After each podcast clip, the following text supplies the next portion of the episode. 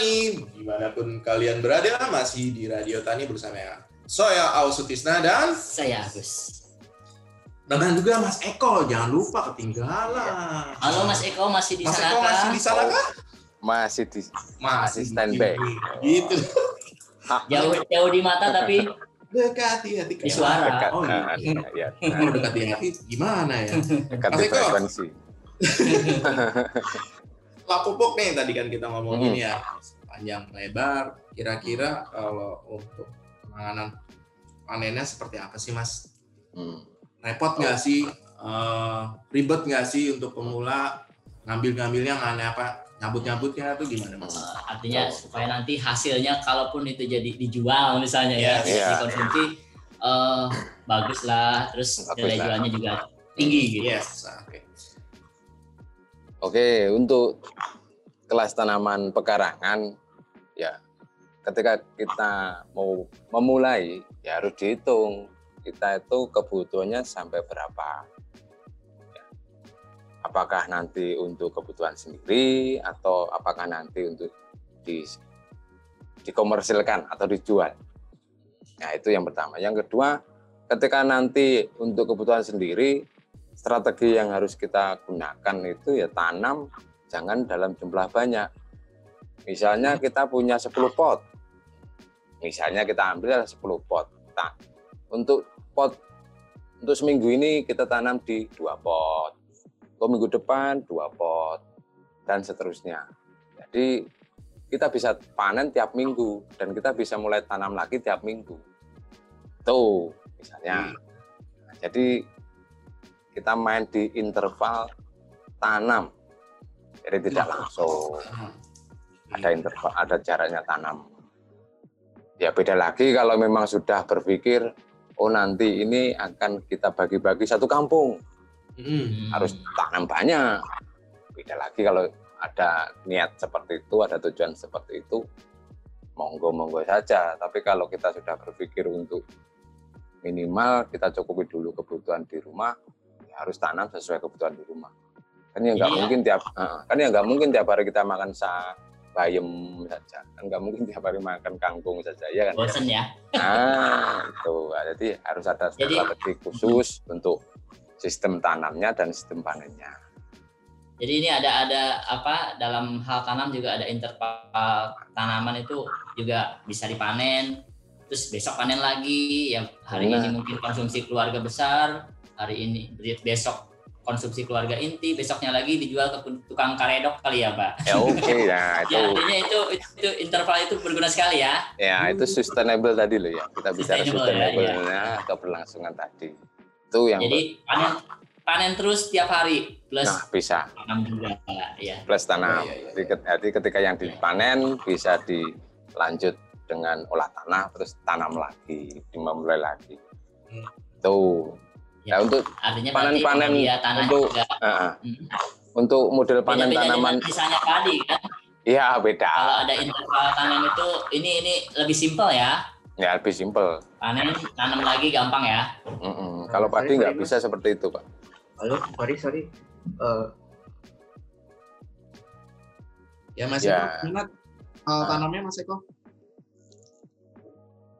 Oh, untuk interval tanam ya, Hmm. kita mau ya kita mulai di interval tanam. Sebelum kita ke interval tanam ya perlu kita pikirkan juga bahwa ketika tanaman pekarangan kita harus bisa bisa mengukur, menghitung ini kebutuhannya sampai seberapa. Misalnya apakah nanti untuk kebutuhan sendiri atau memang ada tujuan di komersilkan. Kalau untuk kebutuhan sendiri harus diperhatikan juga mengenai interval tanam. Hmm. Jadi misal misalnya kita tanam di 10 polybag. Oke, jadi minggu pertama kita tanam di dua polybag. Ke minggu berikutnya dua polybag lagi sampai selesai. Hmm. Jadi ketika ada semacam keberlanjutan dalam hal panen, jadi kan ya enggak mungkin kita tiap hari makan bayam, kita tiap hari makan kangkung kan ya. Jadi, wah, jadi harus bisa bisa juga dengan 10 polybag itu kita tanam dua polybag bayam, dua polybag kangkung, dua polybag sawi dalam waktu yang sama. Jadi kita bisa panen itu ya ada bayam, ada kangkung, ada sawi dalam waktu yang sama. Bisa- Oh. Nah, tuh. Jadi tidak kita tidak tanam satu macam dalam satu luasan tidak. Kita tidak Ah. tanam satu jenis dalam satu polybag tidak. Bisa seperti itu. Terus untuk panen, Hmm. panen ada yang model cabut. Jadi Hmm. terus langsung kita ambil sampai akarnya ikut terpanen juga ada. Tapi kalau kelas tanaman sawi, kangkung sama bayam cukup potong saja daunnya Hmm. pupuk lagi, dia bisa tumbuh lagi.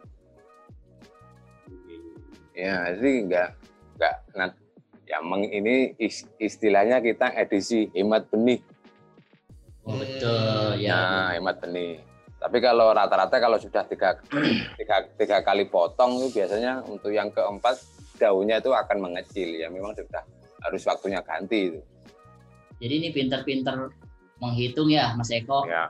eh, menghitung dengan eh, apa tadi apa media yang Kebutuhan. ada. Mm, Kebutuhan terus medianya mm, ya beda lagi kalau kita mau memang tujuan kita mau berbagi kita tanam dalam jumlah banyak nanti di ya, dibagi sekalian promosi bahwa kita punya sayur daun siapa Hmm. tahu cocok beli loh bisa dimanfaatkan ini menarik ya sobat tani terkait dengan interval tanam ini apa Mm-mm. Harus pinter betul ya dari dari Iya. 10 eh, pot aja misalnya dua apa dua apa kapan panen kapan nanam tuh ini, ini Combine. combine ya Combine ini ya, Kombin- ya, kombin- ya. iya dikombinasi Satu jenis tanaman lagi. Mm-mm. Jadi sobat tani pun juga bisa menanamnya dengan di combine kangkung sendiri, bayam juga. sesuai kebutuhan Sebut ah, jadi untuk konsumsi dan untuk dijual, Jual. komersilkan. Ini makin menarik nih Mas Eko kalau misalkan oke siap eh, kita lanjut lagi setelah selingan lagu berikut ini gimana? Stay tune Oke. Radio Tani. Sobat Tani, stay tune ya. Oke. Mbak Nisa, punten. Mas, mantap. Ad- Mas Aditya sudah di mute belum tadi ya? Tadi Udah di mute ya. Sudah ya? Udah. Maksudnya saya. Oke lanjut. Kita lanjut ke segmen 4 ya. Yuk, 3, 2, 1. Hai Sobat Tani, masih lagi di Radio Tani dengan saya Alvin dan hai hai hai saya dengan Fadil Salim sobat tani di mana pun anda berada dan juga Mas Eko. Tuh. Hai hai Sobat Tani, masih lagi di Radio Tani bersama saya Al Sutikna dan Saya Agus Salim, Sobat Tani, di mana pun Anda berada, masih Dan- bersama Radio Tani, saluran informasi pertanian terpercaya. dan juga Mas Eko. Mas Eko, siap. tadi kita sudah bicara banyak sekali tentang bagaimana memulai bertani di pekarangan nih Mas Agus ya. Saya sendiri dulu ya. Yuk, 3, 2, 1. Hai hai Sobat Tani, masih di Radio Tani dengan saya Al Sutisna dan Saya Agus Salim, uh, kita Mas masih dalam uh, perbincangan perbincangan dengan Mas Eko ya. Ah, Mas Eko Mas Eko masih di masih di sana. masih masih standby Siap, Mas Eko. siap Mm, Ini kita udah sampai di ujung uh, interview kali ini. mm. Dan bincang kita kali ini, uh, tadi kita udah bicara banyak tentang benih. Tentang apa lagi Mas Agus? uh, apa media yang cocok untuk karangan, Bentuknya apa? Hmm, Terus tanaman yang gampang ditanam itu apa, ya kan? nilainya Mm. seperti apa produknya yang akan dihasilkan gitu ya. Mm, Mau dikonsumsi sendiri atau mau dijual kembali, Iya. itu terserah uh, kembali lagi kepada si Hmm. namanya Mas Eko ya. Nah, Hmm. kalau setelah itu semua pasca panen, terus kira-kira kalau kita mau mulai nanam lagi itu ada sarankah atau ada trik-triknya kah? Oke, ya ada. Eh, kita mulai tadi kita mulai tadi dengan model panen. Kalau ada model panen yang dipotong, berarti kita tidak bisa ganti tanaman. Dipotong, pupuk lagi, nah, bisa bisa tumbuh lagi, dia tumbuh lagi. Hmm. Tapi kalau tapi biasanya kalau untuk tanaman kelas sawi, kangkung, bayam, ketika sudah tiga kali potong itu untuk yang keempat biasanya memang harus ganti benih, Oh, Nah, harus ganti benih. Nah, pemilihan benih pun sekarang di juga ada yang kelas small pack, jadi pack-packan yang kecil-kecil ada. Jadi kan kalaupun beli yang pack-packan besar nanti takut berlebih, beli yang perpek kecil Hmm. karena kita tanamnya kan jumlahnya kecil. Tapi kalau tanam jumlah banyak, bisa beli kemasan yang lebih besar. Ada yang kemasan sampai 200 gram lah per packnya itu. Ada sampai ya setengah kilo juga ada untuk kelas kang- kangkung itu setengah kilo juga ada Oke. kelas kangkung itu. Hmm. Terus untuk panen ketika kita panen dicabut bisa kita ganti tanaman lain. Kalau kita sudah ahli di tanaman sayur daun, Oke lah bisa beranjak ke tanaman kelas tanaman buah. Misal tomat, lombok cabai rawit, bahkan bawang merah juga ada yang ditanam di model pot, model pekarangan juga ada. Hmm. Itu Ada sekarang. dan bekas media yang sebelumnya ditanam ya masih bisa. Bisa, ya? bisa, ya, tinggal tancap saja. Nah, Artinya ini kan ada ada ada. kayak di apa diketahui teman-teman dari sobat tani ada step ya yang pertama mungkin lagi apa ber- eh, tanam eh, daun ya bentuknya Sayur daun, kemudian ke gitu ya artinya itu sayur step buah. ini yang mungkin Hmm. untuk kita ketahui juga ya Hmm. kita ya perlu Jadi, tapi kalaupun memang untuk misalnya kita awal langsung ke tanaman buah juga nggak masalah karena juga sekarang juga ada mis ketika kita pengen tanaman cabai juga ada penjual yang sudah eh, menjual cabai dalam bentuk yang sudah jadi di polybag. Hmm. tinggal bawa satu polybagnya. Ya, ada. Ada sekarang misalnya. Misalnya nggak mau ribet bikin kompos nggak mau ribet bikin media tambahan ada sekarang. Belanja di polybag polybag juga ada. Sudah ready ya? Ada ready. Nanti tinggal kita pindah. Ketika oh pengen tanam di bedengan atau di gulukutan depan rumah tinggal pindah saja. Jadi tadi sedikit eh, flashback ya menarik yang Mm-mm. Eko sampaikan. Eh, kalau untuk tanaman daun sampai tiga kali potong terus baru tanam lagi. Nah untuk kayak iya. di buah itu seperti apa kalau untuk menanam kembali? Mulai bertanam kembali kembali setelah kalau panen. uh, kalau uh, kalau untuk tanaman kelas tomat cabai Iya. selesai panen ya harus kita ganti tanaman. Nggak bisa nggak Hmm. bisa kalau seperti tanaman sayur tadi sistemnya Tuh, itu buat buat buat informasi ke sobat tani pemula Iya, nggak yang bisa. itu betul tipnya Mas Eko ya Ya. sayur dulu kemudian tanaman tomat dan buah Ah. lebih gitu ya stepnya lebih enak Stepnya kayak lebih enak seperti itu itu. Irit sih, ini tuh irit ya. ngirit Kalau pupuk bener dua belas ribu, dua puluh lima ribu ya. Ah, ah. Ya, ada Nah. lagi masih kok. itu ah, itu ya kita sifatnya kan naik kelas ya. Hmm. yang dari awal hanya tanaman sayur dan daun kita berangkat ke tanaman sayuran buah. Itu naik kelas. Ya ya biar ya biar isinya pekarangan itu nggak hanya melulu tanaman toga lah. Hmm. iya kan? ya ada tanaman toganya ada tanaman sayurnya ada tanaman sayuran buah. Lengkap.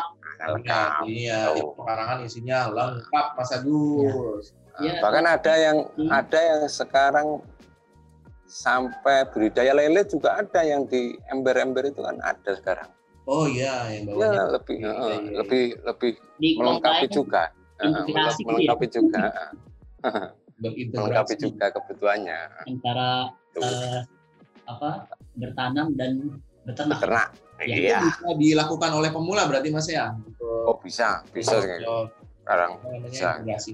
Di beberapa lokasi sudah ada komunitasnya malah hal itu Oke, Mas Eko, tadi kan sudah Hmm. mengenai apa tadi ya? Dari awal kita bicara eh bibit, ya kemudian segala macam ya. Makanya pemanfaatan pekarangan dengan uh, pemilihan bibit, tempat, media, bagaimana panen, pasca Hmm. panen, kemudian tanam kembali itu Nah, yang penting sekali itu ya.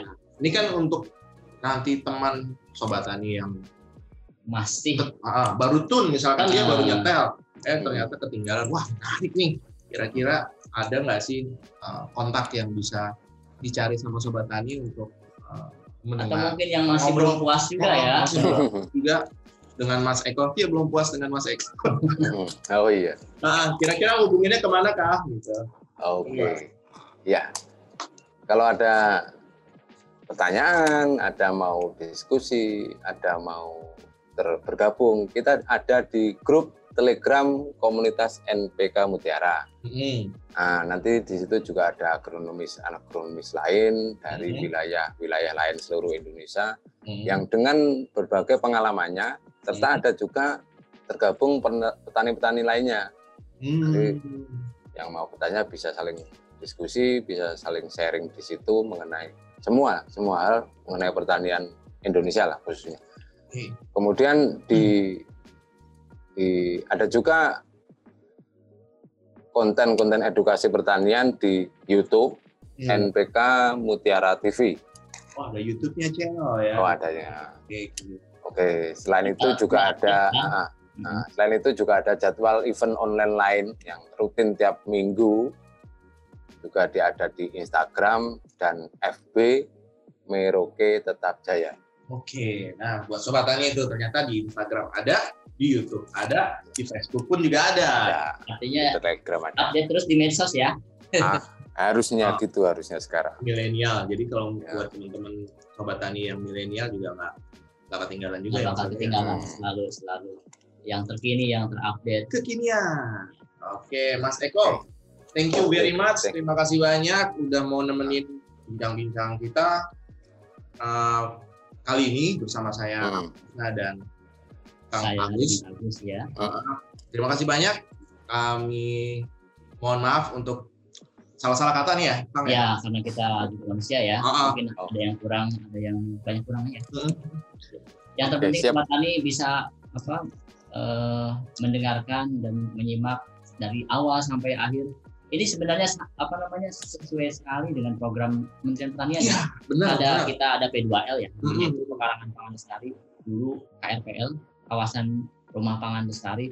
Jadi yang disampaikan oleh Mas Eko sesuai dengan program pemerintah. Masih inline. ya, masih inline. Sobatannya juga bisa langsung tune in dengan program ini.